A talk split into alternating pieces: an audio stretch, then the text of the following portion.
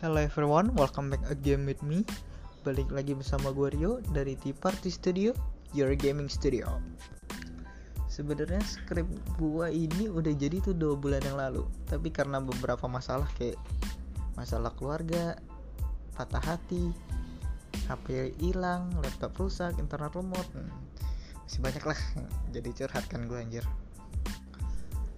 Oke, di podcast sebelumnya gue tuh ngebahas tentang Rockstar Nah, ketika kita berbicara tentang Rockstar, pasti yang ada di benak orang itu game masterpiece bernama Grand Theft Auto. Ya, siapa juga yang nggak tahu Grand Theft Auto? Sebuah game open world yang memaksa kita menjadi seorang penjahat di sana dan bisa melakukan apa pun di dalam game itu. Bahkan orang yang bukan gamer pun tahu Grand Theft Auto itu. Nah, sekarang gue mau ngebahas beberapa fakta menarik tentang Grand Theft Auto. Yang bahkan ketika gue ngeriset itu bikin gue emes ternyata bener loh. Rockstar segila ini dalam membuat game. Oke beberapa fakta itu akan gue bahas di podcast kali ini. Oke yang pertama berawal dari game polisi maling. Percaya nggak percaya, Grand Theft Auto pertama kali dirancang sebagai sebuah game polisi maling yang diberi nama Race and Case. Game tersebut membuat lu memilih sebagai polisi ataupun kriminal yang keduanya memiliki cara bermain yang berbeda.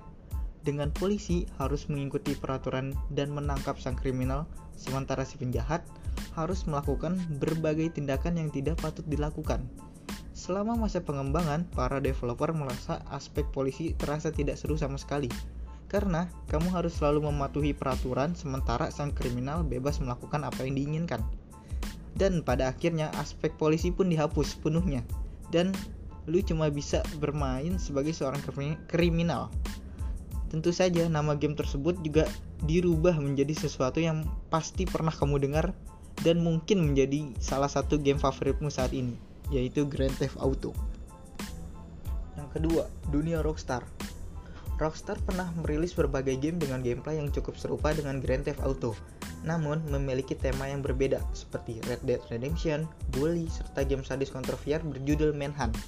Tampaknya game tersebut berada dunia yang sama dengan GTA. Michael, salah satu protagonis di GTA 5 sempat membicarakan pengalaman kegiatan kriminal pertamanya yang dilakukan di Carcer City. Kota tersebut adalah kota tempat seluruh kegiatan di seri Manhunt berlangsung.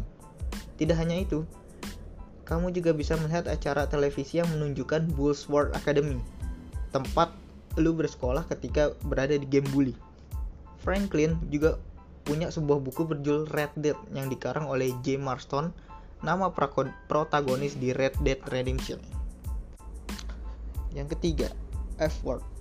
Mungkin kata-kata kotor alay mereka ini memang tidak asing terdengar di game GTA series yang bahkan bisa dibilang menjadi signature word dalam game ini tapi ada orang yang berhasil menghitung effort di GTA 5 dan hasilnya cukup mengejutkan. Ada seribu lebih kata effort yang digunakan atau fuck di dalam game ini. Memang game ini membutuhkan kata-kata tersebut untuk memperkuat persona dari game ini. Jadi wajar aja sih. Tapi kalau lebih dari seribu sih cukup gila juga. Ya, tapi mau gimana lagi?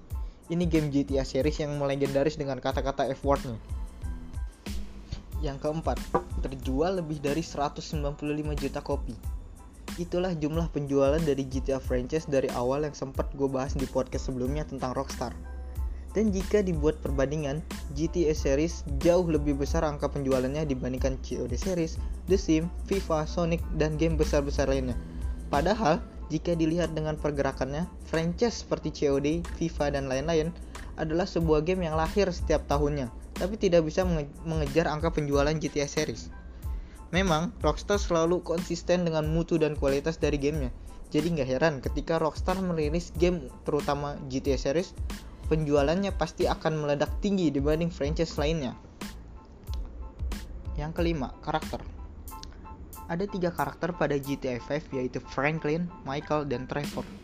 Ternyata selain tiga karakter yang dibuat sangat kontras kepribadiannya satu sama lain, Rockstar punya makna terpendam dalam tiga karakter ini, yang menyatakan tiga karakter ini yang mewakili tiga karakter utama para player GTA 5 di seluruh dunia. Ada Michael yang menggambarkan para player GTA veteran yang sudah lama gak main GTA. dari GTA 4 lalu kembali lagi ke GTA 5. Maka dari itu jalan cerita Michael seperti veteran kriminal yang kembali lagi melakukan aksi kriminal.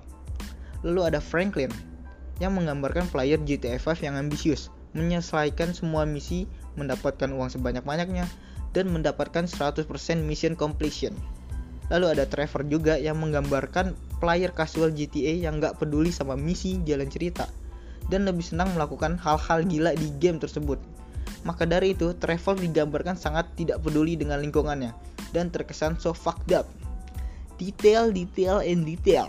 Itulah yang menjadi senjata dalam Rockstar membuat game. Dan itulah mengapa gue cinta banget sama Rockstar. Membuat game aja sangat serelevan itu dengan playernya.